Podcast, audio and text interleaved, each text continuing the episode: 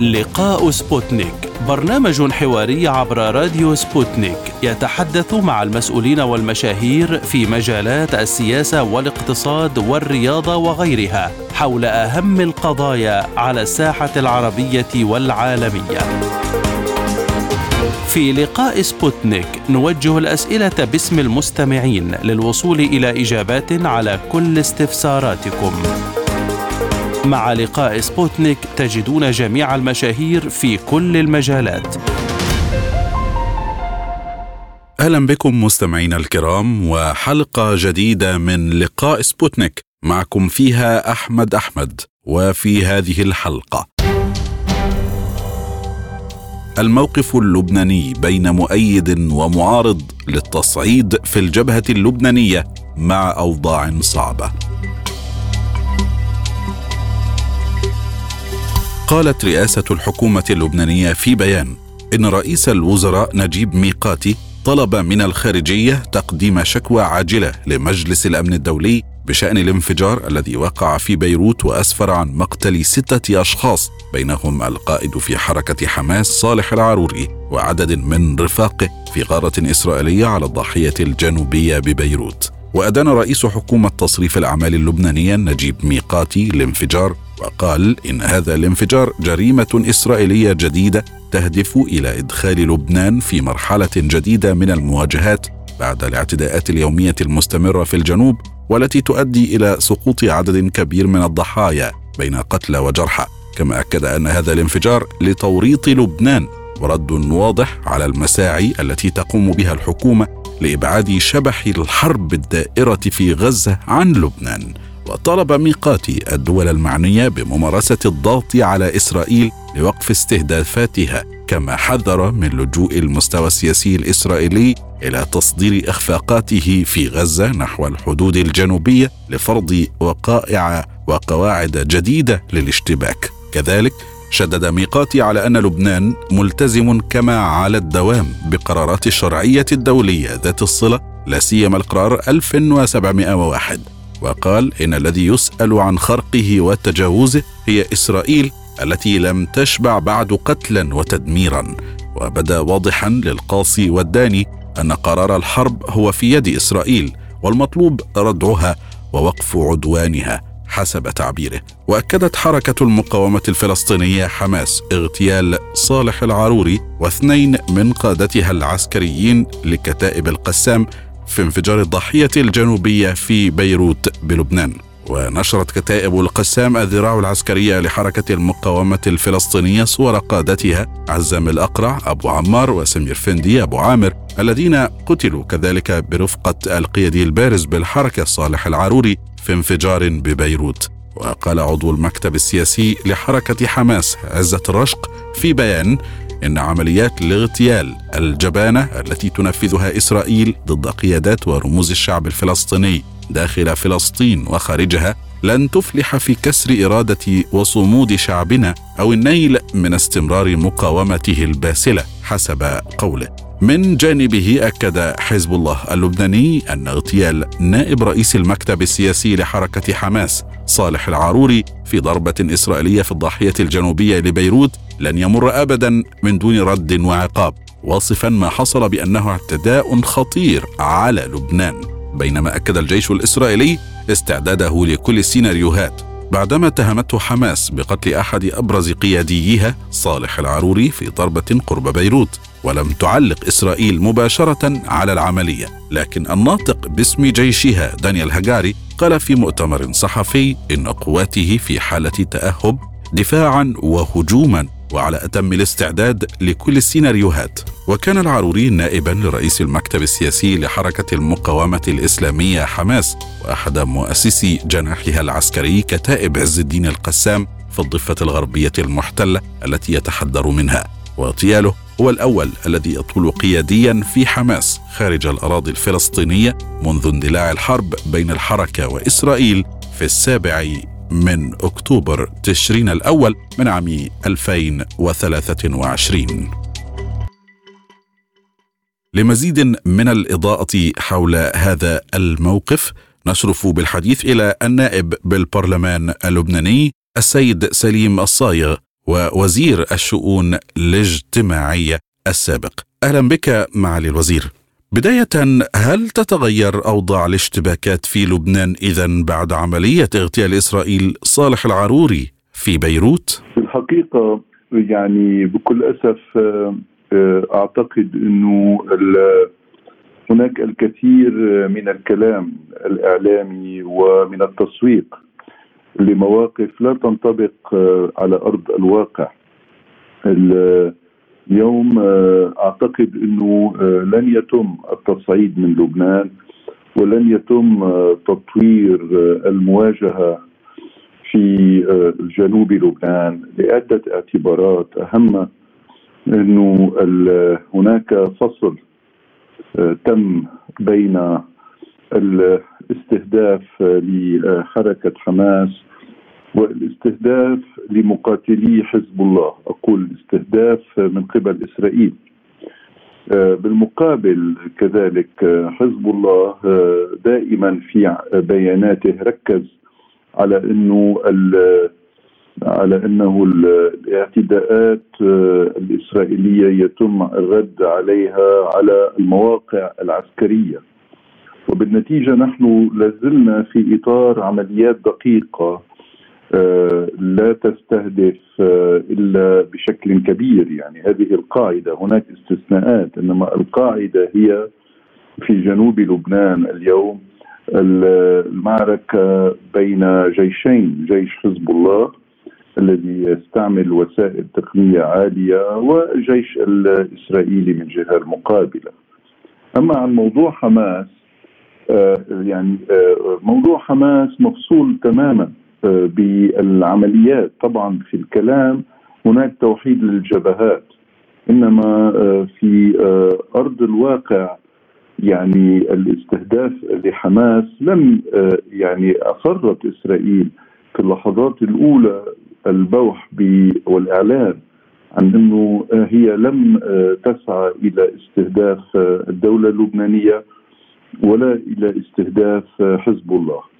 طبعا قد يكون ذلك آه، تكتيك إسرائيلي لزرع الشقاق بين حزب الله وحماس. لكن أعتقد إنه العملية أبعد من هذا من ذلك. إسرائيل تصر في مكان ما. القول إنه آه، ليس بنيتها تصعيد العسكري على الجبهات. وأعتقد بالمقابل إنه حزب الله اليوم ليس آه، لديه المقومات الشعبية والسياسية والإمكانات لكي يدخل في مواجهة شاملة مع إسرائيل إذ أن الوضع في لبنان اليوم هو مختلف تماما عن الوضع الذي كنا عليه عام 2006 الوضع الاقتصادي الوضع الشعبي الانهيار التام للمؤسسات الوضع الاجتماعي المزري جدا.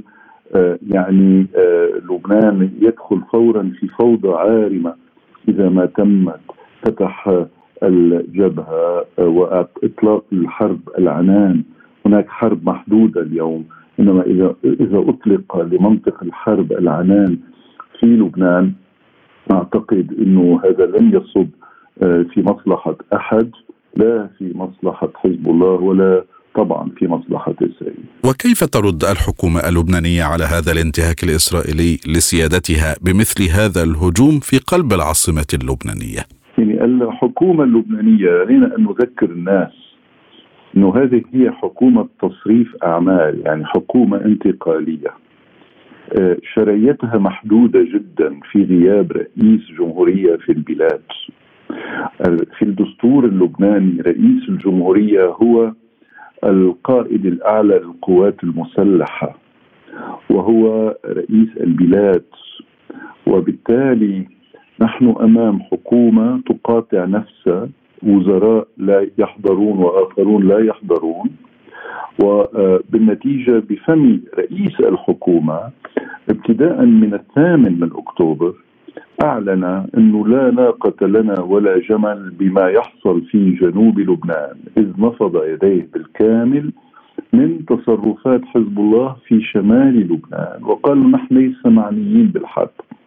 وبالنتيجة ترك زمام قرار الحرب والسلم لحزب الله.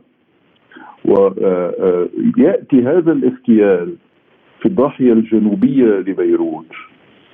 في المربع الأمني في حارة حريك لحزب الله. هو ضربة ليس لقلب بيروت هو ضربة لقلب حزب الله. وهو أعتقد إنه بالمفهوم الجيوسياسي نستطيع أن نقول إنه هذه الضربة حصلت وكأنها حصلت في طهران. إذ إنه الحرس الثوري الإيراني هو من آه، يعني الآمر الناهي في هذه المنطقة المربع الأمني آه، الرجل الذي تم اغتياله هو المنسق الأعلى للعمل مع الحرس الثوري الإيراني بين الفلسطينيين والحرس الثوري الإيراني آه، وبالنتيجة يعني هذه الضربة متعددة الأهداف بحكم موقعها وبالنتيجة أنا لا أعتبر أن الدولة اللبنانية هي التي تم التصويب عليها إذا أن الدولة اللبنانية غير موجودة أساسا في هذا المربع ولا في الضاحية ولا في جنوب ولا في قرار الحرب والسلم. إنما الاستهداف حصل بكل محور الممانعة بدءا من طهران. وبالنتيجة على طهران هنا أن تقرر ما العمل. آه، هل تريد أن تذهب بالصراع هذا إلى درجة التوتر أعلى وأشمل أم انه آه، ستتحكم بواسطة آه، خلفائها وما يسمى بأذرعها في المنطقة بإدارة الصراع عن بعد؟ هذا أمر ليس بمتناول ما تبقى من الحكومة اللبنانية قطعا. وإذا ركزنا على الجيش اللبناني تحديدا فكيف يرد على هذا الهجوم وخاصة مع رفض كثيرين في لبنان انفراد حزب الله بقرار المواجهة مع إسرائيل؟ خلينا نقول انه الجيش اللبناني حتى الساعة منذ ثلاثة أشهر وهو ليس في حالة تعبئة وليس في حالة استنفار الجيش اللبناني مكلف بقرار حكومي بمهمات حفظ الأمن إسنادا لقوى الأمن الداخلي. وفي الجنوب الجيش اللبناني في تكناته لا يسير دوريات إلا دوريات مؤازرة لقوات اليونيفيل.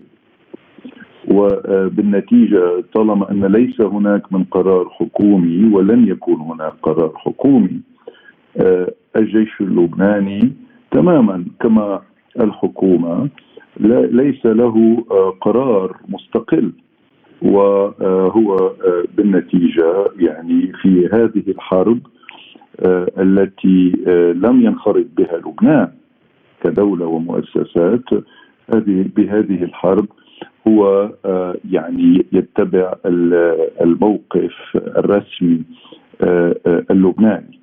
بالكامل. وبالنتيجة آه، آه، آه، ليس هناك فلنعرف إنه ليس هناك من إرادة شعبية لبنانية فضلا عن الوضع الرسمي. يعني الموقف الرسمي سيتم شكوى في مجلس الأمن والعمل الدبلوماسي وكل هذه الأمور. لبنان يعني له تقليد في آه، العمل الدبلوماسي الدولي آه، في الأمم المتحدة. إنما على الأرض بالحقيقة على الأرض الأمر هو متروك بالكامل لحزب الله الذي آه، وهنا بما انه الأمر متروك بالكامل لحزب الله وبما أن حزب الله فضلا عن انتمائه العقائدي والتنظيمي لإيران. إنما كذلك هو حزب لبناني منتخب آه، وله مواقفه اللبنانية الداخلية.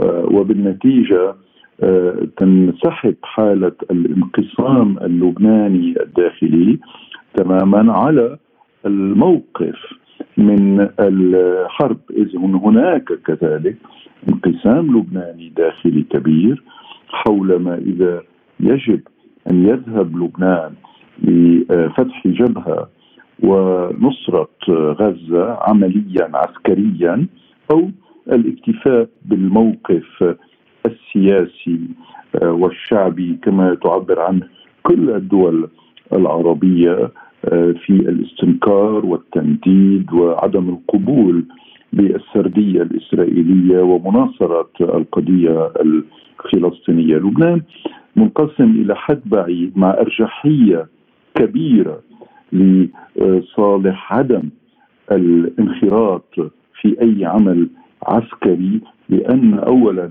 ذلك بنظر الأغلبية الساحقه من اللبنانيين لا يفيد وثانيا لأنه لا طاقة للبنان إذا ما تطور الأمر على تحمل تبعات مثل هذه الحرب لوحده. من تاريخيا لبنان كان دولة مساندة للدول العربية منذ ستينات القرن الماضي ولم يكن ابدا لبنان هو جبهة مواجهة. المطلوب اليوم من لبنان اختصار كل الساحات العربية وكل الجبهات العربية لدول أكبر منه وأكثر عديدا وأكثر قدرات. بالطبع الشعب اللبناني بعدما كل ما حل فيه من مآسٍ لا سيما انفجار المرفأ وانهيار العملة الوطنية والفساد المستشري والاغتيالات وغيره لا لا طاقة له. على تحمل مثل هذا الأمر. وبالنسبة للعملية نفسها معالي الوزير، هل ما حدث وبهذا الشكل ربما يشير إلى وجود خيانة ما وتسريب معلومات دقيقة بحيث تم استهداف العروري في هذه المنطقة تحديدا وبعمارة سكنية؟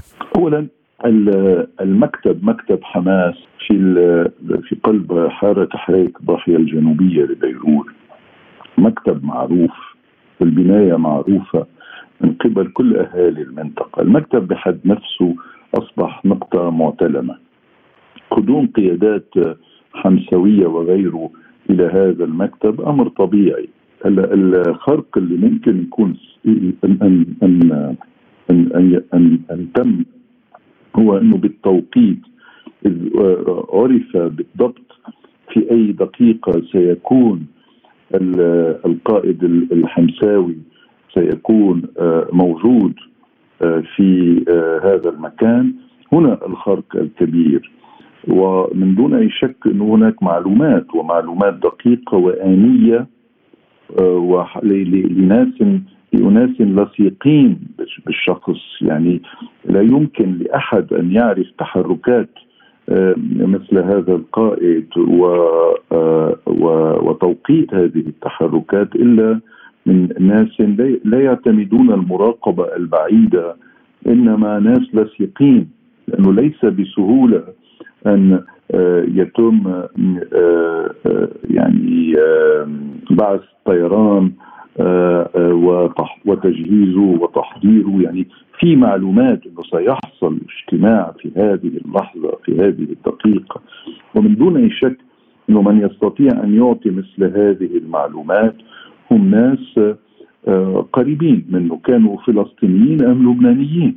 يعني آه، يقال في الصحف اللبنانية وفي الإعلام اللبناني إنه تم القبض على أحد المسؤولين الأمنيين في حزب الله صباح هذا اليوم.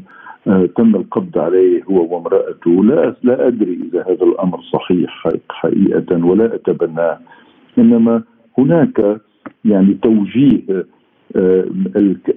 أصابع الشك إذا لم تكن الإصابع الاتهام إلى الأجهزة الأمنية التابعة لحزب الله ولإيران لأنه لا لأنه هذا الموضوع فائق الحساسية وأعتقد أنه أمن الضاحية الجنوبية هو من أمن طهران بطريقة عضوية. و, و, و أما القول وإذا دخلنا في نظرية المؤامرة والقول إنه الاسرائيل إنه إنه إنه حزب الله هو من باع من باع هذا الرجل إلى الإسرائيليين هذه هذه هذه نظرية لا قيمة لها برأيي ولا يجب الذهاب أن تذهب المخيلة إلى مثل هذا الأمر. إنما الأكيد في البعد الاستراتيجي والسياسي لهذه العملية إنه آه، لا يستطيع إنه سقطت شوي آه، آه، سقطت منظومة أو فكرة الردع. إذ أن السيد حسن نصر الله من منذ أيام قال إنه إياك يا إسرائيل أن تفكري أن تقتلي احدا في لبنان. لأنه سيكون هو تحت حمايتنا وبالنتيجة سنعتبر أن هذا اعتداء على المقاومة الإسلامية في لبنان. آه، آه، وبهذا الكلام شاء أن يردع الإسرائيلي آه، لم يقم الإسرائيلي اعتبار لهذا التهديد وقام بتنفيذ العملية وهذا يعني أنه ليست قواعد الاشتباك في الجنوب قد سقطت فقط إنما الردع بنفسه والردع هو عدم القيام بخطوة عملية عسكرية كبيرة. هذه سقطت واليوم يعني هناك إحراج كبير اللي اللي أمام الجميع خاصة حزب الله كيف العودة إلى فكرة الردع. نحن نفهم أن إسرائيل فاتت دخلت غزة ودمرت وأبادت وافتعلت ما فعلته فقط لأن جن جنون لأنه سقط الردع الإسرائيلي. آه، البارحة سقط ردع حزب الله. ونحن ننتظر من هنا يعني كيف كيف سيخرج حزب الله من هذا المأزق؟ نتصور أنه العقل سيسيطر والحكمة ستسيطر. ولا نذهب إلى آه، حفله جنون آه، يتم فيها تدمير واغتيالات وإبادات آه، في الأراضي الفلسطينية. هذا لن يأتي بنتيجة. على كل حال على كل حال ما أريد إشارة إليه إنه على ما يظهر إنه الاحتمالات السياسية مش السياسية لكن الاحتمالات النظرية مفتوحة.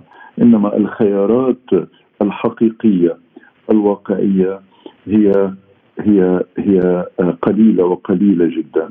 واسمح لي هنا أن أستطرد لأقول إنه لا خروج من هذا المأزق آه، إلا إلى القرارات الدولية لا سيما القرار 1701 الذي وافقت عليه الدول الخمس دائمة العضوية في مجلس الأمن عام 2006 إن العودة إلى مثل هذا القرار يسمح للجميع بالنزول من الشجرة ومن السقوف العاليه التي وضعوها لكي يرتكزوا إلى قواعد القانون الدولي المحمي. من قوى اليونيفيل ومن غطاء دولي آه، عريض في هذا الأمر. سيدي بصفاتكم المناصبية المعروفة والبرلمانية أيضا والخبرة الطويلة بالعمل السياسي بالطبع، حتى اللحظة كيف ترى الموقف اللبناني الرسمي من الحرب على غزة؟ الموقف الرسمي آه، اللبناني آه، تم التعبير عنه من خلال موقفين عندك الموقف الحكومة اللبنانية التي آه، انتصرت لفلسطين في الموقف الاعلامي طبعا والسياسي ولكنها بنفس الوقت آه، أبلغت الدول جميعها أنه هي ليست آه، مسؤولة عما يحدث في جنوب في جنوب لبنان. هذا الموقف من السلطة التنفيذية. طبعا عندنا الموقف الآخر الذي هو موقف السلطة التشريعية. المجلس النيابي آه، لا يلتئم إلا آه، في القليل النادر لكن كل اللجان لجان المجلس النيابي لا سيما لجنة العلاقات الخارجية التي لشرف الانتماء إليها أخذت موقفا كبيرا. من الاعتداء الإسرائيلي على غزة لا سيما على المستشفيات والآمنين. ووصفت هذا الاعتداء الإسرائيلي آه، بطريقة غير مسبوقة. آه، عند الاعتداء على خاصة بعد الاعتداء على المستشفى المعمداني. آه، وبالرغم من كل الادعاءات الإسرائيلية وبالرغم من كل الحجج من ان المستشفيات استعملت لأهداف عسكرية وغيره. إنما لا القانون الإنساني لا القانون الحرب ولا أي قانون يجيز بهذه الطريقة أن يتم التعامل مع المرضى والجرحى والأطفال واللاجئين إلى هؤلاء المستشفيات. ففي النهار ذاته آه، التأمت اللجان منفردة. وفي هذه اللجنة التي تكلمت عنها وصفنا ما, يحدث بأكثر من جريمة حرب. جريمة الحرب هي جريمة مفرغ منها. يرتكبها العسكريون عن صادق تصور وتصميم وهذه تعد بالآلاف لا بل بمئات الآلاف. إنما هناك رأينا امعان في حرب في في جريمة ضد الإنسانية عندما يتم التعامل بهذا الشكل مع مجموعات كبيرة من السكان فقط لأنهم قابعون في هذه المنطقة وفقط لأنهم آه، يعني ينتمون إلى الشعب الفلسطيني. وتلامس جريمة الإبادة وكما تطورت الأمور فيما بعد هناك سياسة معلنة آه، بسلخ الناس عن أرضها وبتهجيرها. وهذه في القانون الدولي آه، تساوي جريمة الإبادة.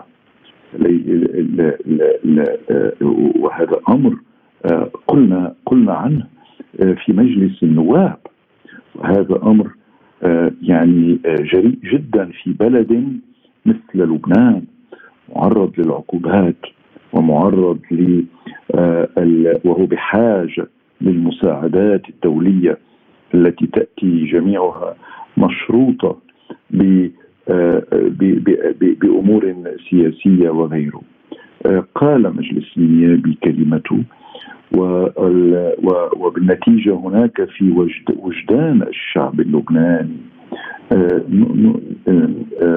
دعم لقضية الشعب الفلسطيني برمته بالرغم من المآسي التي عاشها اللبنانيون بسبب المغامرات التي قام بها الفلسطينيون في لبنان. لا ننسى أن لبنان تعرض لحرب دفع ثمنها مئة ألف قتيل بين فلسطيني ولبناني في عام 75 و 76 وما بعده.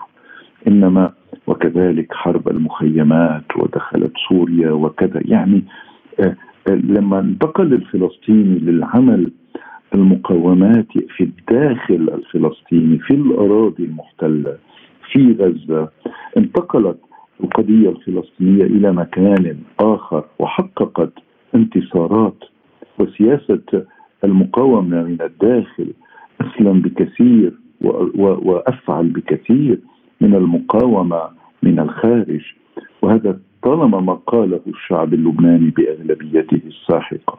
لذلك اليوم طالما أن الفلسطينيين لا يتعاطوا بالمسألة اللبنانية هم ضيوف في لبنان في المخيمات لكن اللبناني حذر جدا كذلك من أن تتحول مجددا هذه المخيمات إلى منصات عسكرية تتوجه من خلال من خلالها إلى إسرائيل.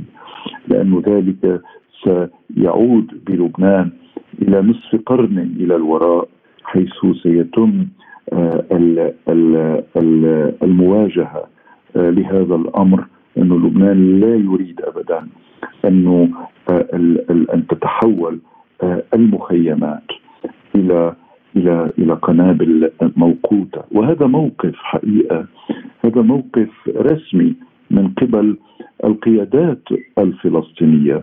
بالرغم من المحاولات التي حصلت للتسلل إلى جنوب لبنان مؤخرا وإطلاق بعض القذائف إنما نرى أن حزب الله عاد فضبط هذا الموضوع وقال بصريح العبارة أن الإمرة لي وأن كل الفصائل إذا ما أرادت المقاومة فلتتفضل تحت علم حزب الله فقط يتم مثل هذا الأمر. على كل حال نحن في لبنان اعود فأكرر إنه الموقف اللبناني الرسمي هو موقف لحكومة مبتورة من دون رئيس البلاد موقف لبنان اخذوا مدى مدى العمر مدى مدى نشأة لبنان منذ نشأة لبنان. انتصر للقضية الفلسطينية على المنابر الدولية وكان هذا أكثر فعالية من قد يكون أكثر من كل الحروب العربية مجتمعة. وقد أهين رئيس جمهورية لبنان سليمان فرنجية عام 74 عندما آه، آه، ذهب ليتكلم بالقضية اللبنانية وقيل له سنجعلك تدفع غاليا ما تقوله أمام الأمم المتحدة بعد سنة بدأت الحرب في لبنان. آه، إذا لبنان لم يقصر أبدا دبلوماسيا وسياسيا لنصرة القضية الفلسطينية. حسب إمكاناته وحسب قدراته ونظرا للتنوع الثقافي الدقيق والتوازنات اللبنانية الدقيقة الداخلية هناك حرص على إنه لبنان لا يذهب أبعد ويختصر لوحده كل العرب ويقوم بالقضية حتى العرب مجتمعين يترددون أو يحتكمون إلى موازين كثيرة قبل الإقدام عليه. هل لبنان بالفعل وكما يتردد منقسم بين مؤيد لدعم حزب الله بالاشتباك مع إسرائيل لصالح المقاومة وبين رافض هجمات حزب الله على إسرائيل لأنها تؤثر على الوضع الاقتصادي المنهار بالأساس في لبنان، يعني هل هذا الشقاق موجود بالفعل وما تداعياته؟ طبعا يعني اليوم آه اسمح لي أقول إنه اليوم آه في لبنان هناك آه، إعلانات كبيرة في كل مكان منذ ثلاثة آه، شهور تقول لا للحرب لا للحرب. نحن لا نريد أن يذهب لبنان إلى الحرب. ليس فقط حزب أو فئة أو طائفة. هناك يعني الكثير من كل القوى السياسية تقريبا. كل حتى البعض منا مناصر وحليف لحزب الله. لا يريد ابدا إنه أن يذهب لبنان إذا مثل هذا الأمر. آه، استدراج إسرائيل. ما يحصل هو خلينا نقول الأمر كما هو. نحن من دون أي شك هناك مع لبنان بين لبنان وإسرائيل هناك القرار 1701 الذي يرتكز على قرارات أخرى ويرتكز على اتفاقية الهدنة الموجودة بين لبنان وإسرائيل عام 49 اليوم هذا الاتفاق القرار الدولي في الكثير لم يتم احترامه لا, لا من قبل حزب الله ولا من قبل إسرائيل. لم يتم احترامه من أي فريق وذلك لسنوات طوال.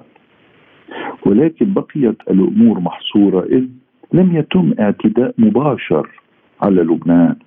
لم يتم عمليات مباشرة على لبنان.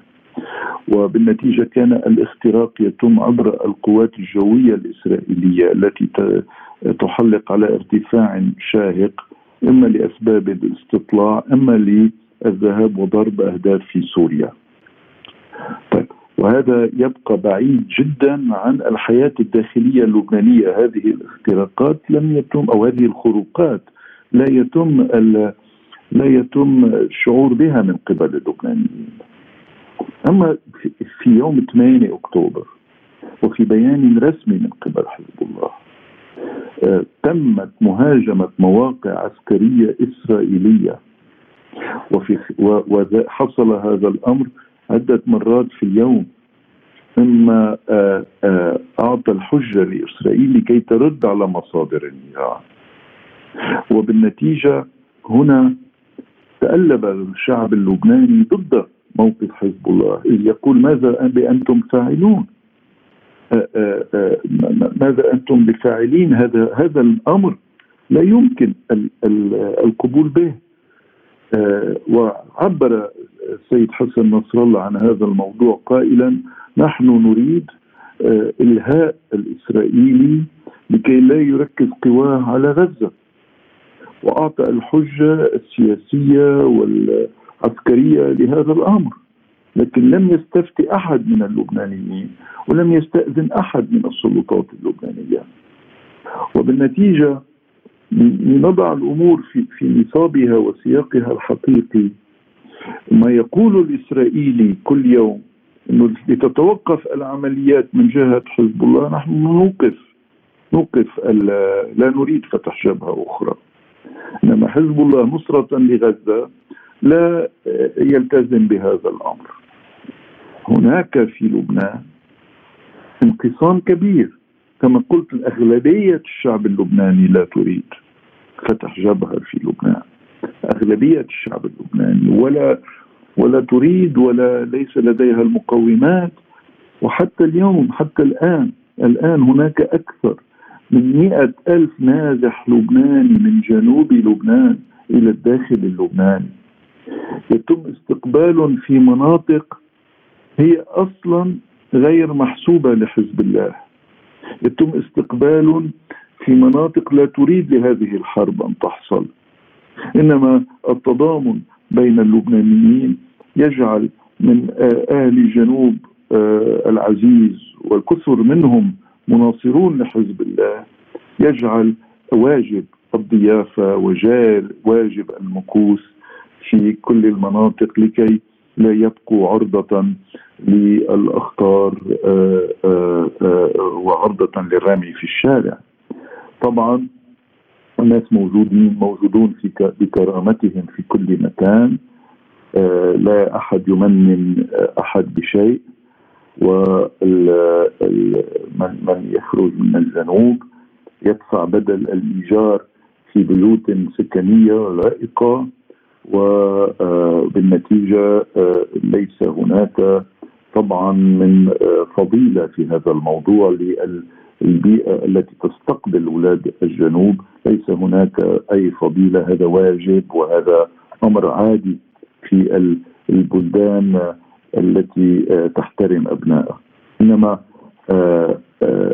ما يحصل إنه البارحة حزب الله طلب من أبناء القرى الحدودية اللبنانية ترك قراهم لأنه قد يكون هناك تطورات عسكرية ما لم أحد لم يسأل أحد آراء أبناء هؤلاء القرى.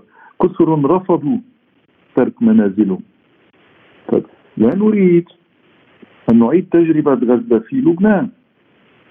لا نريد أن يكون هناك حزب مسلح هو من يقرر عن كل لبنان وعن كل اللبنانيين هذا الأمر لن يؤدي لبنان ليست غزة.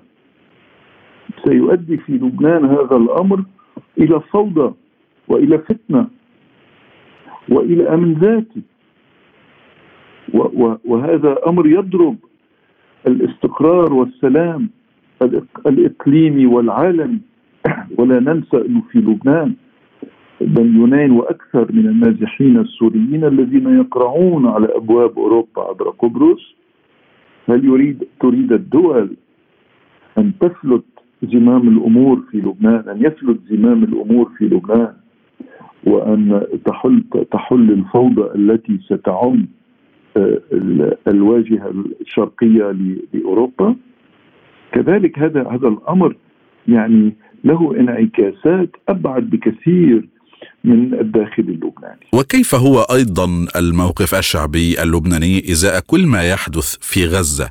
يعني هل من استطلاعات رأي لتوجه الغالبية؟ وكذلك ما الذي يريده المواطن اللبناني العادي من خطوات من قبل دولته حكومة وجيشا للتعاطي مع مثل هذا الوضع الشائك؟ يعني آه، القضية الإنسانية هي آه، تعود لبنان أن يحمل قضايا إنسانية قد تكون أكبر منه ولكنه يكبر يكبر بها. هذا دور لبنان. هذا دور لبنان التاريخي. هذا دور بيروت. كل قضايا العالم التي كانت ممنوعة عن التعبير عن نفسها في العالم من من من من من كوبا إلى أفريقيا إلى إلى إلى إلى إلى الشرق الأوسط. كل أحزاب المعارضة في الشرق الأوسط عندما كانت الأنظمة ديكتاتورية وسلطوية كان لها كل الأحزاب مراكز في لبنان لها صحف في لبنان لها وسائل التعبير في بيروت. كانت بيروت حقيقة هذه الواحة أو هذه ال ال هذا المنبر الذي عبره يتم مخاطبة الرأي العام العربي والدولي. آه، وبالنتيجة ليس بغريب عن لبنان أن يتم آه، اليوم التعبير الواضح عن الانتصار لقضية الشعب الفلسطيني وللقضية الإنسانية التي آه، يتم الإمعان بنحرها من قبل إسرائيل. إنما خلينا نقول كذلك إنه آه، القضية الفلسطينية ليست فقط قضية إنسانية هي قضية سياسية بامتياز. هي قضية وطن وقضية قوم وشعب. وبالنتيجه اللبنانيون جميعهم يريدون حلا لهذه القضية كما قال مؤتمر بيروت 2002 حيث اجتمعت الجامعة العربية وقالت بحل الدولتين وأطلقت مبادرة عربية للسلام. آه لذلك آه يعني آه لا يتصور أحد في لبنان أن يتم اقتلاع الفلسطيني من أرضه وأن يتم اجتثاث حقوقه بالكامل من أجل إراحة دولة إسرائيل. هناك يعني الموقف الشعبي في لبنان ينتظر من الحكومة قد يكون آه، آه، ينتظر من الحكومة أن تنشط أكثر لكي لا تكون فقط في موقف دفاعي إذ تقول لا لا ناقة لنا ولا جمل بما يحدث في الجنوب وكذلك على المستوى الدولي مسجل اعتراض أو شكوى من هنا أو هناك. لربما هذه فرصة للبنان لما يحمل بتاريخه وبمعنى وجوده آه، آه، يتخطى واقع حزب الله ويتخطى واقع المخيمات ويتخطى الواقع الاجتماعي المضروب في لبنان ويذهب إلى يقرأ أبواب الدول قاطبة. يحمل مبادرة. يحمل يلعب دور. لبنان دوره دور آه الساعي الدائم للتوفيق للسلام لانتصار للحق. آه لا يستطيع لبنان أن يتصرف وكأنه ملحقا بهذا المحور أو ذاك. من المحاور. ذلك يتطلب آه رجال دولة يتطلب جرأة أكبر آه، آه، يتطلب يتطلب رؤية بكل أسف لا يراه الشعب اللبناني في المسؤولين عن مقدرات السلطة التنفيذية اليوم. أما بالنسبة للجيش اللبناني هذا الجيش بالكاد أن يتم تأمين المعاشات الشهرية له. وهناك طلب كبير للخروج من الجيش اللبناني لتسريح الضباط والعناصر الذين لا يريدون البقاء في المؤسسة العسكرية لكن قيادة الجيش تحرص بشكل كبير على لملمة الأوضاع والإتيان بمساعدات للإبقاء على هذا على هذا الضامن الأخير آه، لوحدة لبنان والاستقرار الداخلي في لبنان. أعتقد انه الجيش هون الشعب اللبناني عنده ثقة كبيرة بالجيش بمهماته في الداخل اللبناني. حقيقة عنده دور آه، كبير بمنع ارتدادات غزة الأمنية والعسكرية على الداخل اللبناني.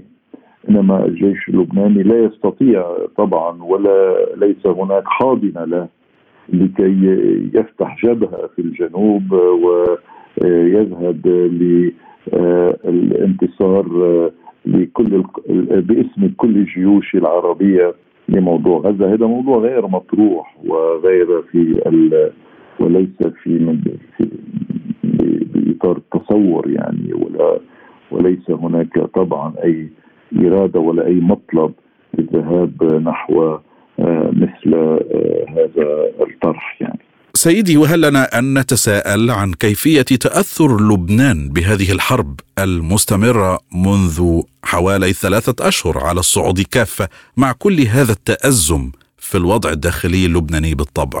من دون أي شك إنه الحالة في لبنان الاقتصادية هي أصلا كانت في حالة انهيار. آه، الاقتصاد الموازي للاقتصاد الشرعي في لبنان هو تقريبا 60% من الاقتصاد اللبناني هو اقتصاد غير شرعي يعني قائم على التهريب وقائم على العمليات غير الشرعية.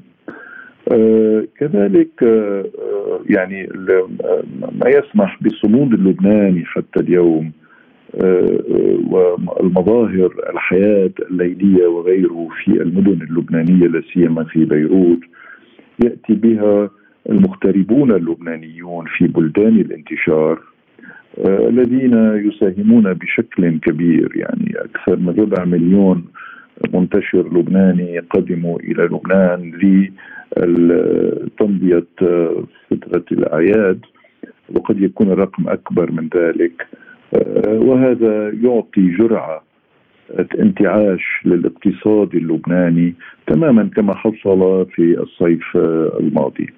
اذا إذا لبنان ليس آه، اليوم على آه، في حالة بؤس كاملة بالرغم من الأرقام التي تقول إنه يجب أن يكون هناك اذا إنه هناك تقريبا يعني الأرقام ليست دقيقة ولكن حالة الفقر في لبنان تخطت 70% وحالة الفقر المدقع قد تكون حوالي 30% وليس هناك من طبقة وسطى هناك بعض الأغنياء والأموال التي تأتي من خارج لبنان من قبل منتشرين. لذلك الأرقام تشير إلى أنه يجب أن يكون لبنان في حالة بؤس كامل. إنما هذا اللبناني المعروف بقدرته على الابتكار والالتفاف على المصاعب آه، نعم يصمد حتى اليوم. آه، نأخذ على مثالا على ذلك المدارس. إنه اليوم المدارس الخاصة و70% من المدارس في لبنان هي مدارس خاصة آه، عنيت بها من الابتدائية حتى الثانوية. آه، ذلك تلك المدارس 70% آه، معدل الأقساط آه، المدرسية معدل 2000 دولار في السنة. رجعت إلى مستوى ما قبل الأزمة في لبنان ما قبل 2019 بعض المدارس هناك 4 و 5000 دولار. طيب أليس هناك من معجزة كيف يتم يتم دفع مثل هذه الأقساط من قبل الأهالي الذين هم في حالة بطالة والذين آه، معدل الدخل الفردي اليوم في لبنان 100 دولار في الشهر؟ 100 150 دولار في الشهر. طيب كيف هناك معجزة في هذا الموضوع؟ السر يكمن في التضامن بين الداخل اللبناني والخارج اللبناني وبين المساعدات التي تأتي بها هذه المدارس من الخارج وهذا يعطي دفع كبير لكي يتم اكتمال دورة العملية التربوية بين المؤسسة والأسرة التعليمية والأساتذة والتلامذة والأهالي وإلى ما هنالك. إذا الموضوع هو موضوع موضوع آه، آه، هذا هذا مثال هذا مثال. آه، اليوم بعد هذا ما حصل في سبعة آه، تشرين تبقى المسألة هي نفسها يعني كان لبنان في الحضيض ولا زال في الحضيض. يعني ولكنه عنده قدرة فائقة على التأقلم. أعطيك مثل أنه هناك تقريبا 12 مدرسة خاصة في الجنوب اللبناني على على القرى المتاخمة للحدود. هذه القرى هناك يعني التلامذة يتعلمون أونلاين. والأساتذة آه، يعطون الدروس اونلاين ولكنهم لا يقبضون لأن الأهالي لا يستطيعوا أن يدفعوا الأقساط إذ معظمهم آه، خرج معظمهم خرج من القرى وهم بلا عمل اليوم. هناك حملة لدعم مثل هذه المدارس. وهذه الحملة ستتم عبر التضامن الوطني اللبناني عبر بعض المتمولين اللبنانيين وعبر مساعدات دولية. من من من الناحيه من هذه الناحية آه، سيتمكن لبنان من الوقوف على رجليه مثل العادة. أما على الموضوع شبكات الأمان الاجتماعي طبعا هذه الشبكات مضروبة منذ قبل هذه المعركة هذه الحرب.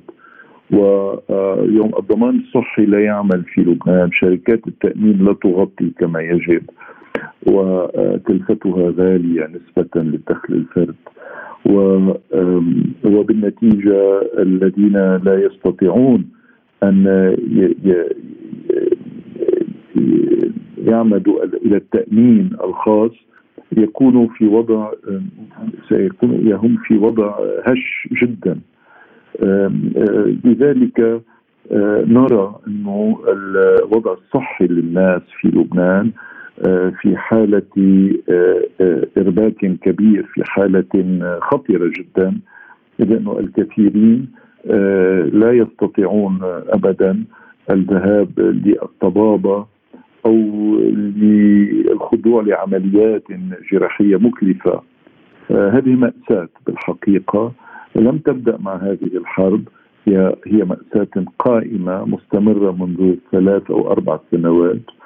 الخطر إنه إذا ما صار في حرب كيف سيتم تأمين الدواء والاستشفاء لاعداد كبيرة من الناس؟ ولا بنية تحتية صحية كافية لتأمين مثل هذا الأمر. أما عن الأوضاع يعني الأخرى يعني نعرف أنه في لبنان يعني لا زلنا منذ سنين عديدة نفتقر إلى التغذيه تغذيه الطاقة آه، ولبنان عمد إلى وسائل بديلة ولكن ذلك لا يغطي حاجات كل لبنان آه، الطاقة الشمسية خاصة. وهنا الدولة لا تستطيع لم تستطع حتى اليوم من تأمين مثل هذا أما استجرار الكهرباء وإما صناعة توليد الكهرباء آه، في لبنان. وأهم الأسباب هي انه لبنان أسباب أسباب سياسية. أسباب الفساد الداخلي التصارع بين القوى وكذلك آه، السيطرة على القرار آه، اللبناني الداخلي من قبل محور المقاومة الذي هو معرض للعقوبات الخارجية، كل هذه الأمور تجعل من لبنان حقيقة في حالة اهتراء داخلي بالرغم من قدرة اللبناني الفردية على الصمود. إلى متى؟ أستطيع القول إنه هذا الأمر قد يستمر قد يستمر في المستقبل آه، عنده آه، ليس له مقومات الاستناد استدامة ولكن له آه، إمكانية الاستمرار وهذا من طبيعة اللبناني إنما هل يستطيع أن يتحمل أكثر؟ قطعا لا اللبناني لن يستطيع أن يتحمل قشه قد تقسم ظهر البعير. ختاما معالي الوزير وفي ظل كل ما يحدث حول لبنان من التهاب في الأوضاع، كيف تخرج البلاد إذا من عثراتها الكثيرة داخليا برأيك؟ نحن نحن آه، يعني آه، شرقيون آه، نحن شرقيون ولو انتمينا تاريخيا إلى أكثر إلى التقاطع بين الإمبراطوريات الغربية والإمبراطوريات الشرقية. إنما بطباعنا نحن شرقيون وفي الشرق آه، والشرق يبدأ من الصين واليابان وصولا إلى هنا. علينا أن نعرف أن نطبق المقولة التي آه، تستخرج من كل أزمة فرصة. آه، أزمة فرصة. هذه الأزمة علينا أن نحولها إلى فرصة. لقد اكتشفنا في لبنان اكتشفنا كلنا حدود اللعبة وحدود السقوف وكل واحد وضع أقصى ما يستطيع من خطوط حمراء. وهناك في لبنان توازن سياسي. توازن سياسي. لا يستطيع أن يخرب ولا يجب أن يخرب الفائض القوة الذي يتحكم به حزب الله. إذا أن فائض القوة هذا بل عندما دخل في المعادلة الإقليمية أستطيع القول عندما دخل في المعادلة الإقليمية هو في طور الخروج من المعادلة الداخلية اللبنانية. إذ إنه تواجه سلاح حزب الله وسلاح الممانعة بشكل عام. هناك اليوم سلاح دولي. حاملات الطائرات والمدمرات واسرائيل والمنظومة حتى عربية غير موافقه على الحرب كما هي اليوم. وبالنتيجة آه، يعني آه، آه، لابد إنه المعادلة الإقليمية السياسية الإقليمية ومعادله التوازن الإقليمي. علينا أن نحولها ليس لبنانيا إنما عربيا ومن هنا على لبنان أن يبادر عربيا. أن نحولها إلى إلى عملية سياسية إقليمية تسعى حقيقة إلى إحقاق السلام في المنطقة. لا يمكن أن نستمر هكذا. لا يمكن أن نستمر في حروب لا تنتهي أصبحت مدمرة على الجميع. العقده الأمنية الإسرائيلية تاريخيا استولدت دولة إسرائيل وأعطت لإسرائيل هذا الفائض من القوة النارية ولكن بنفس الوقت كشفت هشاشة التركيبة الإسرائيلية إذ أنها محاطة بدول لا تحبها. ولا ولا ولا تستطيع أن تغطي ما ما ما ما تصنع وما تفعل بالفلسطينيين وبالنتيجة السلام آه، لكي يتم على آه، هذا السلام آه، عنده له ركائز وأهمها العدالة وأهم المساواة وأهم الحق الاعتراف بالحق وإعطاء الحرية للناس في التعبير عن حقوقهم. آه، لهذا السلام هذه مقومات السلام لبنان هنا دوره. هنا دوره وهو معني بهذا الموضوع. نحن نتكلم عن السلام العادل والشامل ولا نتكلم عن السلام الانتهازي الظرفي التطبيعي الذي يتم خلفة. واللبنانيين يتشاركوا فيما بينهم أكثر مما يختلف عليه. وبالنتيجة هذه عملية الحوار الداخلي ليست عملية عقود أو سنين. أسابيع قليلة وأنا على يقين أن اللبنانيين يستطيعوا أن يضعوا آه، آه، مثل هذه الأسس الجديدة لقيام دولة آه، لبنان حديثة متطورة محايدة عن صراعات المنطقة. في نهاية هذا الحوار نتقدم بجزيل الشكر والتقدير للسيد النائب بالبرلمان اللبناني سليم الصايغ ووزير الشؤون الاجتماعية السابق. شكرا جزيلا لك معالي الوزير. الشكر أيضا موصول لحضراتكم مستمعينا الكرام. هذه خاتمة حلقتنا. من لقاء سبوتنيك. نراكم دائما على خير.